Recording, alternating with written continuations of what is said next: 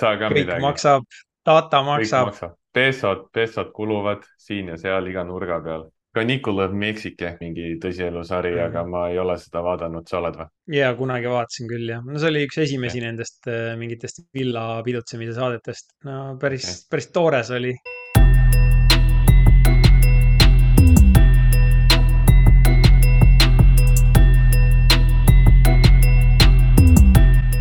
Halloo, halloo, tere tulemast vaatama taas börsijutte, saade number viiskümmend seitse, investor versus kaupleja. Või isegi tahaks öelda spekulant versus spekulant, sest äh, mis me siin ikka nagu seda asja väga vormime, et kõik me siin proovime aru saada, mis toimub ja millistes aktsiates olla, millal, kuidas sõita, et äh, rohkem dinero, dinero, dinero, dinero.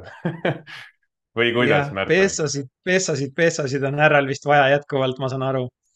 Ja aga eh, tead, paar päeva tagasi oli selline märk selgest taevast, et eh, lint sittus mulle pähe ja õlgadele.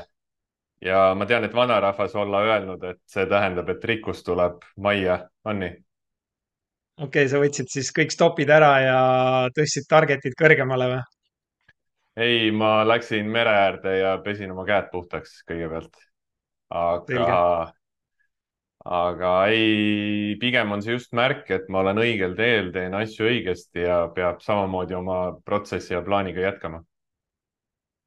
kuidas sa üldse tunned nüüd seal ennast, oled sa sellesse rütmi sisse elanud, et äh, turud avanevad hommikul ja sulgevad äh, tavaliselt nii-öelda selle tavalise tööpäeva lõpus?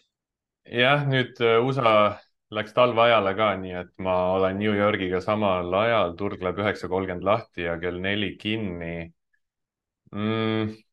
ikkagi on see, et ma pean õhtul, ma teen õhtul niimoodi kella kuue-seitsme paiku oma asjad ära, mida ma muidu Eestis tegin hommikuti peale ärkamist, peale hommikusööki mm. -hmm. ja ma ei os-, ma ei, ma ei saa nagu öelda, et see oleks nagu parem, halvem, ma ise korra mõtlesin, et Austraalias, äh, vähemalt seal idarannikul on eriti hea, sest seal on nii, et äh, ma tean minu sorti süstemaatilised kauplejad, kes ka panevad päeva lõpuseisuga asjad sisse ja päeva sees ei vaata, neil on nii, et nad enne magama minekut panevad orderid sisse ja ärgates turg on sulgunud niimoodi, et neil ei ole isegi nagu varianti vaadata, mis toimub. see tundub nagu eriti sihuke mõnus. okei okay,, no kui sa nii räägid, siis minule see tunduks esmalt küll vähemalt alguses veitsa ikkagi kuidagi stressi tekitav. Vahest ikka mingid asjad lähevad uppi või katki ju. Ehm, nojah, jah, aga ma ei tea, oleneb, oleneb, et äh, mina olen praegu saanud küll, mis mulle meeldib, et nüüd on nagu sihuke äh, real live test selles osas, et äh, mul vahepeal ongi nii, et mingi net on kehvem või olen väljas ja ei ole mingit netti, noh, kuigi mul on siin 4G mobiilne net on ju, ma saan kogu aeg veebi, aga noh, vahepeal ikka, et kuskil levist väljas või midagi ja hea tunne on see, et ei olegi vaja olla veebis turu ajal, et ei ole oluline.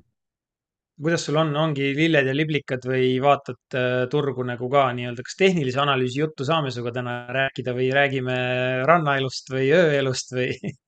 ei no kõigest saab rääkida, ei saab tehnilist analüüsist ja graafikutest ka, et mul on SB viissada vähemalt suht pilt on silme ees praegu küll veel, et äh, ikka vaata see rannapuhkus ja väljas käimine, see mingi hetk nagu ka väsitab või tüütab natuke ära ja siis on niisugune vajadus äh, asjalikum olla ja eks ma olen ikka Twitterit lugenud ja vaadanud pealkirjasid, käinud graafikuid läbi, mõelnud äh, elust, olust ja optsioonidest, nii et äh, ma olen täiesti kauplemislainel ka. väga hea, mul on kohe sulle kaks teemat, mis on tehnilise analüüsi teemad. lükkan siis leti ära. Kaheksa päeva jutti kui me tänast päeva ei arvesta, me ei tea, mis täna saab, neljapäeval siin salvestame, aga kaheksa päeva jutti on SB viissada indeks rallinud siis ehk sulgunud kõrgemal kui, kui äh, lõpetas eelmise päeva. ja samas SB viiesaja suuremate ETF-ide kauplemiskäibed on pigem selles hinnatõusu keskkonnas olnud langevad, et kui me mõõdame neid päevaseid kauplemiskäiveid, käibeid, siis need on siin nädal pluss jooksul tasapisi hoopistükkis alla tulnud, et kas see on siis petekas ralli või mis, mis see kaupleja loogika tavaliselt ütleb, kui hind tõuseb, aga volüüm langeb? okei okay,, esimene asi on see, et üldse, mis siin viimast paar nädalat on toimunud, et äh, turud olid väga pessimistlikud, kukkusid, on ju äh,. kukkusid ka see, mis ma ise ütlesin, et mul oli neli tuhat kakssada selline viimane piir, on ju äh,. Et alla nelja tuhande kolmesaja bearish ja neli tuhat kakssada sihuke viimane piir, kus peaks riski vähemaks võtma. sealt kukkus läbi seal nelja tuhande ühesajaga midagi äh,. ei müünud põhjas kõike ära mingeid, äh, mingid stopid said äh, teel põhja pihta ja allokatsiooni võtsin seal natuke hiljem maha niimoodi, et esimesse põrkesse sain mingeid asju müüdud, ei pidanud päris kõige, kõige nagu madalama hinnaga müüma. aga samas palju asju, big tech tehnoloogia, palju asju jäid mul ka kätte. ja samas oligi see, et mõni päev hiljem oli sihuke nagu petekas, on ju, et jälle sai selle neli tuhat kakssada taseme tagasi ja ja isegi neli tuhat kolmsada nüüd on jälle seal nelja tuhande neljasaja all, mhm. on ju, ja siis tekib küsimus, et, et kas siis üleöö nagu midagi muutus, et, et kas see Fedi, Fedi koosolekus öeldi, et midagi ei tehta ja mis oli ootuspärane kõigile, et kas siis see nagu üleöö oli mingi meelemuutus ja minu jaoks ei olnud, et, et oli see pessimism oli suur. juba siin septembris-oktoobris Twitteris räägiti, et maailm lõpeb ära ja, ja retail'i ikka pigistati nagu lükati short'i poolele siis. ja minu jaoks hetkel see tulebki sellest, see ralli tuligi sellest negatiivsusest, mitte Fedist, mitte mingitest intressidest, see oli turule juba nagu teada, see ei olnud enam uudis. aga just see, et see negatiivsus oli nii suur, lühiajaliselt minu jaoks turge mõjutab positsioneerimine, see positsioneerimine oli selline, et kõik need short'id pigistatakse välja, sealt need cap-up, cap-up suured äh, rallid, sest short positsioonide sulgemine nõuab ostmist. niimoodi, et äh, kõik ostavad, tahavad short idest välja saada, ostavad mm, -hmm. teised, kes tahavad oma raha turule panna, ostavad. ja, ja see nii-öelda, see on nagu, nagu bensiini viskamine tulle, on ju, et, et see tuli läheb suuremaks ja, ja nüüd on see selline konsolideerumisaeg, et, et mis nüüd nagu edasi saab. aga minu jaoks see ralli tuligi sellest negatiivsusest, see oli lihtsalt mingi hetk nii ekstreemne, et inimesed hakkasid oma lühikesi positsioone katma. see tõstis hinda, osteti ja see veel nagu pigistas seda short squeeze'i juurde mul oli tegelikult väga hea meel kuulda, et sa paljusid positsioone olid sunnitud äh, kinni panema mitte, et nagu isiklikult on ju kuidagi sinu suunas midagi, aga lihtsalt sina kui kaupleja, et sa, et sinu asjad kukkusid nagu stoppidesse ära. et, ähm, et seda on kuidagi hea teada, et vähemalt mingite kauplemisstrateegiate puhul siis äh, löödi mingi ports neid, äh, neid käsi välja või nõrganärvilisi, ma nüüd ei nimeta sind kuidagi nõrganärviliseks yeah., sest sul on algoritmiline, on ju yeah.. aga noh, seda on praegu hea ja huvitav kuulda. sest yeah, selles, äh, yeah sest nagu sa ütlesid, tegelikult see meelsus oli meeletult negatiivne, ma just vaatasin siin statistikat, et sihuke poolteist nädalat tagasi alla kahekümne viie protsendi SB viiesaja indeksi komponentidest kauples kõrgemal oma kahesaja päeva libisevast. ja täna siis selle kaheksapäevase ralli tulemusena me oleme seal kus, kus nelikümmend protsenti SB viiesaja aktsiatest kaupleb juba kõrgemal sellest kahesaja päeva libisevast. et päris hoogne ja kiire meelsuse muutus jah, aga jah, noh, kas ongi meelsuse muutus, minu jaoks on see positsioneerimine, see, kuidas turul ollakse positsioneeritud ja kui turg läheb tasakaalust liiga välja ühele poole, siis mingi hetk ta nagu põrkab tagasi ja siis toimub jälle mingi reshuffle, et, et ühesõnaga jah, nagu sa ütlesid, see oli minu mingitele positsioonidele nii-öelda wash out, kus loputati välja, stopid said pihta ja noh, see ei olnud jah, minul mingi isiklik paanikamüük, see oli lihtsalt minul algoritmiline, nagu sa ütlesid. aga mm -hmm. need kõik, mis nüüd hakkasid siin võimsalt jälle tõusma, big tech tehnoloogia aktsiad, need jäid mul kätte näiteks, need äh, jah, nendest ei läinud vist ükski äh,, nendest ei läinudki ükski välja big tech'ist ja, ja samas põrkesse jällegi reageerivad mul teised swing'i strateegiad, et põrkest välja tulles ma ostsin SB viiesaja futuure pikaks eh,, finantssektorit, mingeid pankasid seal, Bank of America ja paar väiksemat, mis, mis tegid eh, topeltpõhja. nii et noh, ma nagu püüan ikkagi saada igast olukorrast midagi et ei ole ainult see, et äh, nõrkusesse müüsin ja samas nõrkusesse müües, ega ma ei tea, kas ta põrkab või sama hästi oleks võinud ka see langus veel jätkuda, on ju, mingid nädalad. et ega see põrge ei olnud mingit garanteeritud tagantjärele, jah, me näeme seda ja kõik tundub võib-olla selgem tagantjärele, aga mis ma tahtsin veel see mõtte lõpetuseks öelda tehnilise analüüsi poolelt. nüüd me oleme tegelikult sealsamas tagasi, kus enne, et jah, see neli tuhat kakssada washout oli nagu petekas siiani, kui ta nüüd ei kuku tagasi. Aga nüüd me oleme nagu tagasi seal neli tuhat kolmsada, neli tuhat nelisada vahemikus, millest ma kuu aega tagasi rääkisin, et äh, üle nelja tuhande neljasaja on bullish, alla nelja tuhande kolmesaja on bearish ja tegelikult me oleme seal nagu tagasi. jah, see väike petekas oli washout.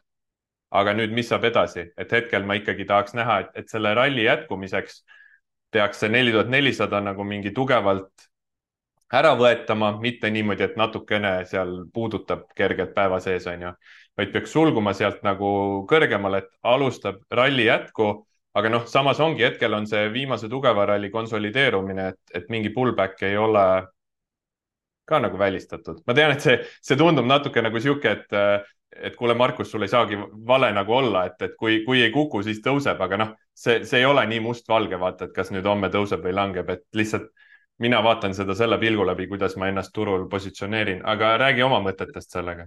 tuleme tagasi selle Beteka jutu juurde, vaata see, millega ma alustasin, et, et SB viiesaja indeks ja indeksi ETF-id on siis näidanud kaheksa päeva rallit aga see kauplemiskäive nendel ETF-idel on olnud languses. kas siit peaks nagu midagi välja lugema, mingi sihuke lühema horisondiga kaupleja, investor või spekulant või, või kuidas sinu kogemus ütleb, see hind versus volume? noh, see, et ta siin peale seda suurt rallit, see volüüm tõmbab ta,, tõmbub tagasi, noh, minu jaoks see ongi nagu märk sellest konsolideerumisest, et äh, võetakse nagu aega atra seada ja turg jälgib, mis edasi saab, et kas äh, tõus jätkub äh, hooajaliselt tugeval perioodil või oligi see short squeeze lihtsalt selleks, et äh, ikkagi ostunõudlust nii palju ei teki, et, et kui jälle müüma hakatakse, siis läheb jälle seda nelja tuhandet kahtesadat testima, et selles mõttes mina nende tehniliste tasemete poolest olen suht nagu kuu aja taguses Äh, situatsioonis või, või tasemel, millest me rääkisime, lihtsalt jah, see petekas oli vahel, aga ma tean ise, et ma pean nende petekatega äh, leppima ja noh, ma ei püüa seda, et mul oleks alati õigus, nagu ma siin rääkinud, et lihtsalt teen, teen oma otsuseid vastavalt oma turueelisele, mitte sellele, noh, mida ma arvan, mida turg teha võib mm,. okei okay., kas sa selliseid asju nagu neid, äh, me oleme siin mitu korda, ma olen üritanud eestikeelset vastet leida sellele sõnale, aga ma ei oska midagi öelda, räägime siis ingliskeelse terminiga ehk sellest breath trust'ist on ju, ehk äh, on olemas selline indikaator nagu Zweig breath trust ehk siis ma ei tea, kuidas seda eesti keelde panna, et nagu no,. minu jaoks on turu sügavus, breath. ma ei tea, kas see on päris õige, aga turu sügav. okei okay,, no see on see, kus mõõdetakse Tsai äh, Breath Trusti puhul siis seda, et, et mitu protsenti aktsiatest äh, näitab tõusu ja kui see protsent siis kasvab, on ju selle üle teatud tasemete, siis äh, minevikust on justkui indikeerinud, et sihuke kuue kuni kaheteist kuu perspektiivis viimase viiekümne või seitsmekümne aasta jooksul sõna otseses mõttes see see tõusu success rate pärast seda indikaatori signaali saamist on olnud sada protsenti, on ju. et, ähm, et need on need mingisugused mitte pöördepunktid turul, aga just täpselt sellised kohad, kus äh, on mingisugune negatiivsus, hirm, ajutine müügisurve, millest kujuneb siis lõpuks petekas ja tegelikult siis investori jaoks algab sealt selline selline aasta pluss kestev äh, tõusufaas, et kas oled sa üldse neid oma töös jälginud, vaatanud? tegelikult nad on hästi kvantitatiivsed indikaatorid ju oma olemuselt. ja, aga ma tahtsin küsida, et mis aastast alates seda Swagi sa vaatad või seda tehtud on? mul on mingid, äh, mingid analüüsid, mida ma nägin, kus on alates tuhande üheksasaja viiekümnendast või viiekümne teisest aastast või midagi taolist oli seal.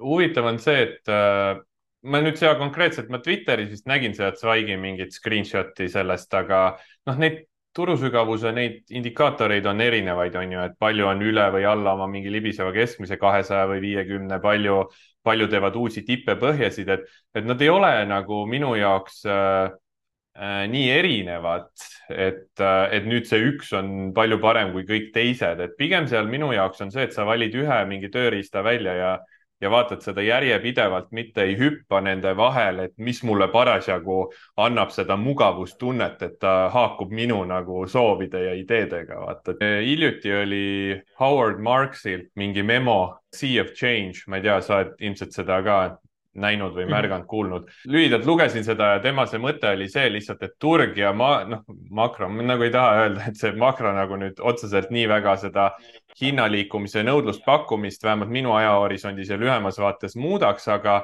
tema mõte oli see, et investorite jaoks pikaajaliselt äh, see on, keskkond on muutunud ja need strateegiad, mis tegid hästi langevate intressimäärade ajastul alates kaks tuhat üheksa või isegi alates tuhat üheksasada kaheksakümmend ei pruugi enam järgmised kümme, kakskümmend aastat mhm. toimida. ja samas äh, siin üks kaupleja tegi siis ka Amy, kes ka Amy Brokerit ja sedasama Norgate'i kasutab nagu mina, tegi alates tuhat üheksasada viiskümmend USA turu momentumi strateegiatele nagu backtest'i kõikide USA aktsiatega ka delistitud tuhat üheksasada viiskümmend alates, et just võrrelda seda tuhat üheksasada kaheksakümmend eelset perioodi ja momentum faktorina töötas väga sarnaselt metricsite poolest. kõik need drawdown'id, keskmised tootlused, equity tõus, kõik need võidumäärad, keskmise võidukaotuse suhe, kõik need olid väga sarnased, viiskümmend kuni kaheksakümmend versus siis kaheksakümmend kuni täna, nii et ma ei, ma nagu mõtlen ise seda, et mis see siis nagu muutub, et okei okay,, võib-olla kuuskümmend, nelikümmend ja mingi võlakirjad ja asjad nii enam investorite jaoks ei toimi aga see, et ma ostan tõusvaid aktsiaid, et kas see ka enam ei toimi, noh, ma ei, ma ei tea, mida, mida ma siis ostma peaks nagu. no kui me vaatame indeksi tasandil ähm, tõusu ja langusfaasid, ütleme siis ennekõike tõusufaasid olid ju kuuekümnendate teisel poolel, seitsmekümnendatel keskkondades või keskkonnas, need aktsiaturu tõusufaasid olid oluliselt lühemad. ja mm., ja langused ja tõusud vaheldusid kiiremini, on ju mm, -hmm. et no võib-olla sealt midagi tuleb. ja turg kindlasti vaikselt pikas plaanis võib muutuda. lihtsalt jah, noh, strateegiad peaks olema sellised robustsed, et nad nagu kohanevad äh, volatiilsuse ja suuna ja kauplemisvahemikega. et seda ma olen ise palju mõelnud ka tegelikult, et äh, et mul ei oleks kuidagi sobitatud äh, mingi viimase aja pulliturgudele oma need strateegilised äh, taktikalised otsused, vaid et nad oleks nagu ikkagi numbrites robustsed mm, -hmm. usaldusväärsed. aga, aga üks asi, mis ma tahtsin veel öelda selle positsioneerimise kohta ja selle washout peteka kohta et äh, mingi hetk tegelikult see mind pani küll natuke muretsema, kui ma nägin, et kõik vaatavad seda nelja tuhande, tuhandet kahtesadat ja, ja, ja minul oli see, et ma ei vaada, ma ei vaata neid neli tuhat nelisada, kolmsada, kakssada, ma ei vaata neid tasemeid seepärast, et teised vaatavad, noh, ma lihtsalt, need on nii kuidagi ilmselged sellised olulised kohad ja ümmargused numbrid mm. indeksil. aga kui siis näed kuskil Twitteris või mujal Youtube'is, et nagu kõik vaatavad neid tasemeid ja kõigi jaoks on see neli tuhat kakssada oluline siis paneb veits muretsema küll selles mõttes, et, et just nagu nende petekate jaoks on võimalus suurem, kuna enamikel turul ei saa olla õigus ja nad peavad raha kaotama. Ehk siis tegelikult ei taha nagu olla kõigiga ühes paadis, vaata, aga no mis ma teen, kui nagu noh, hinna liikumine niimoodi annab signaali ja siis hakkabki see mäng ka seal pihta, et kuhu need stopid pannakse, on ju, et kas sa paned sealt nagu protsent, kaks, kaks pool, kolm pool protsenti allapoole nendest oma kriitilistest tasemetest, mida sa jälgid ja, ja siis need äh, petekad kuidagi venivadki suuremaks ja sügavamaks. mul on tunne nagu viimase kolme-nelja aasta jooksul millegipärast nii indeksi tasandil kui üksikaktsiate tasandil.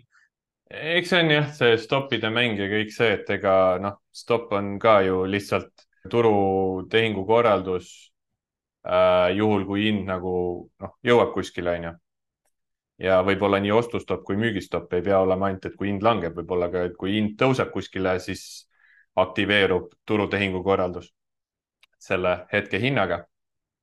et selles mõttes, ega see stopp ei ole ka midagi maagilist, et ta on lihtsalt äh, teatud liiki turutehingu korraldus mingi ühe lisa kriteeriumiga.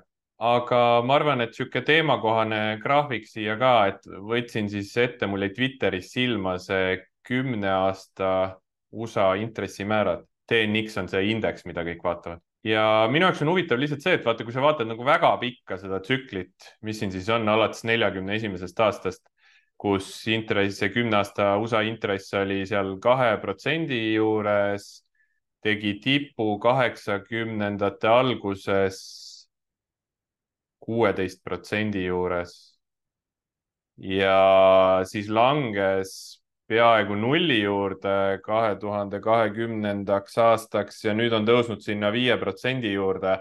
et äh, lihtsalt noh, hästi palju räägitakse, et nüüd on see tõusufaas tehtud, intressimäärade tõusutsükkel tehtud ja nüüd on nagu kas jäävad paigale või hakkavad langema ja siis see oleks nagu aktsiatele hea, aga samas, kui sa nüüd nagu seda väga pikka pilti vaatad, on ju, mingi kaheksakümmend aastat või siis äh, kas see nagu tundub, et siin on nüüd kindel lagi ees ja siit enam kõrgemale ei lähe siksak või?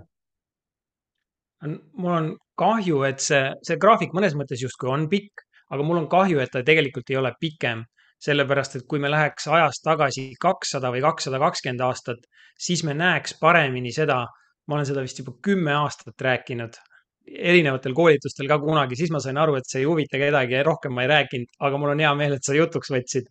ühesõnaga, need intressimäärade tsüklid, kui me läheme ajalukku ja vaatame tagasi, siis üks intressimäära täistsükkel ongi minevikus olnud niisugune viiskümmend, kuuskümmend aastat.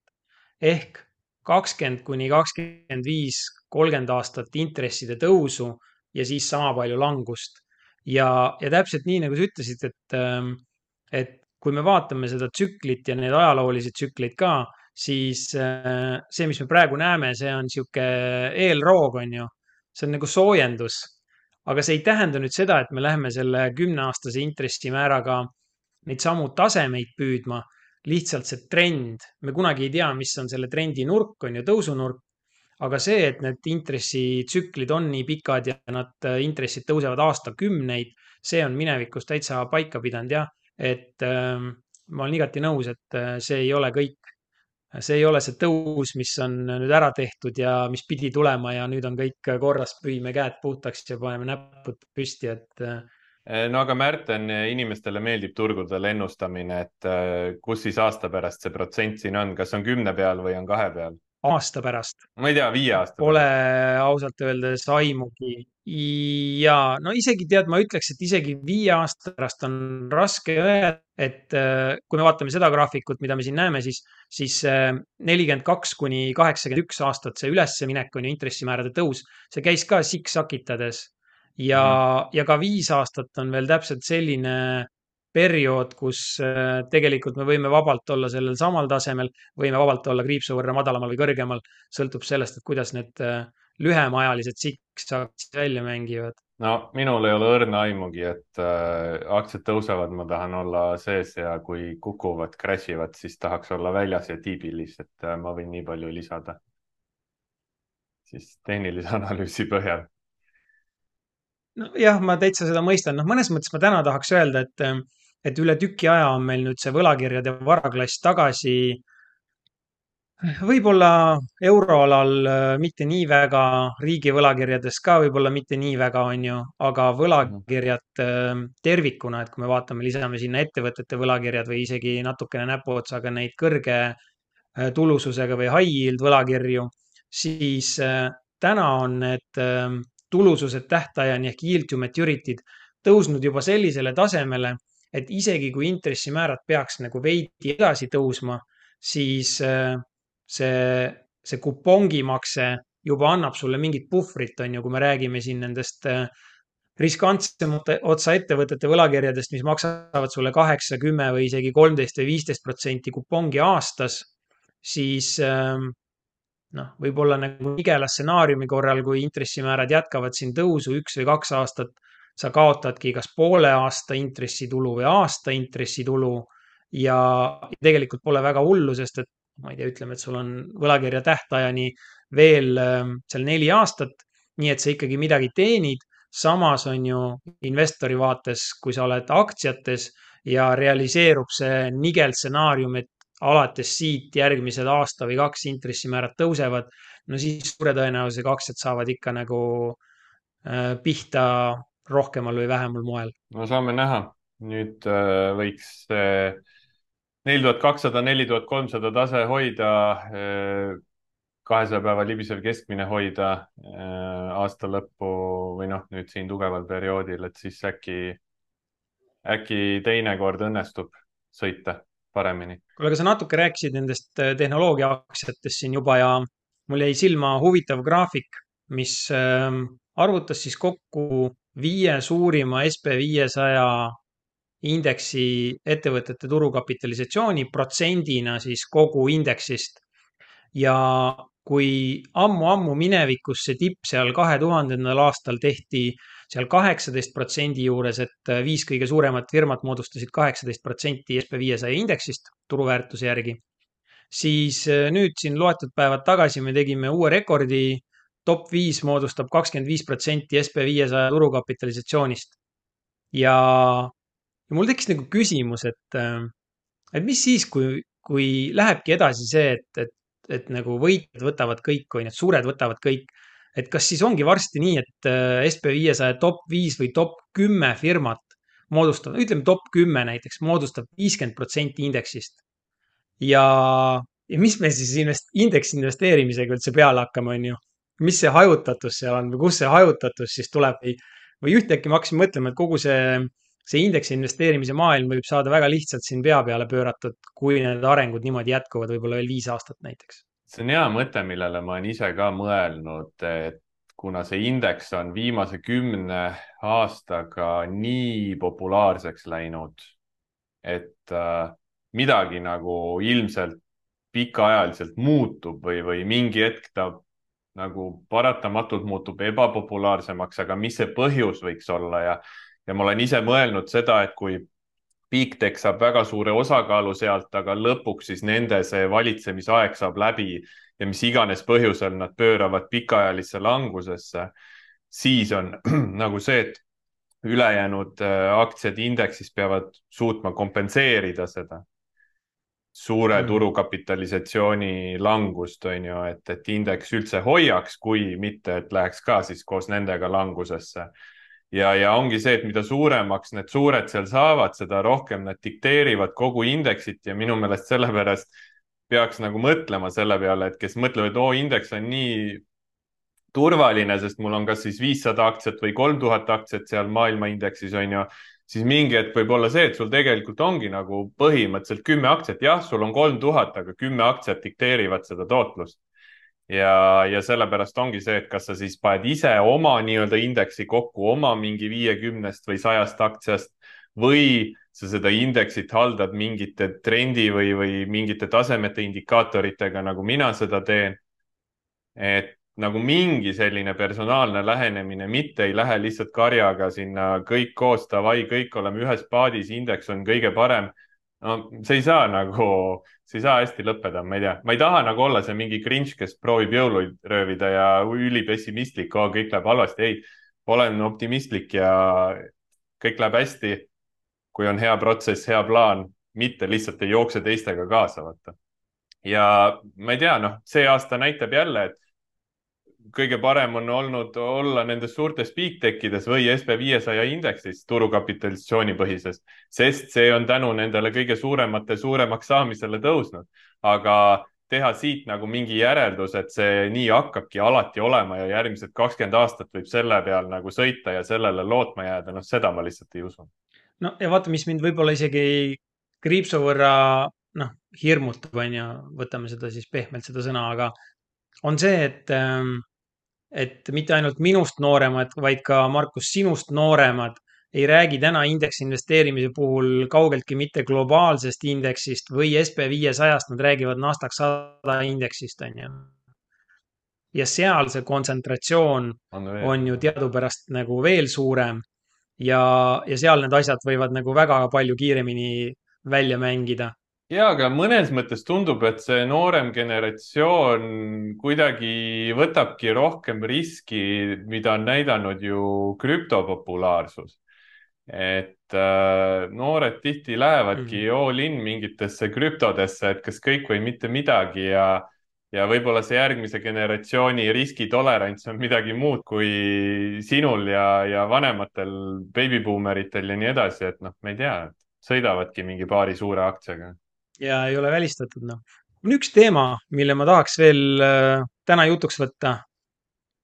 on ühed toredad äh, kaardid, mida me siin aeg-ajalt oleme ette võtnud, ehk siis räägiks rahast vestluskaardid ja mõtlesin, et teeks äh, paar küsimust-vastust täna ka siia ja need on suhteliselt kiired ja lihtsad küsimused. esimene küsimus, kas suurem palk või lisahüved?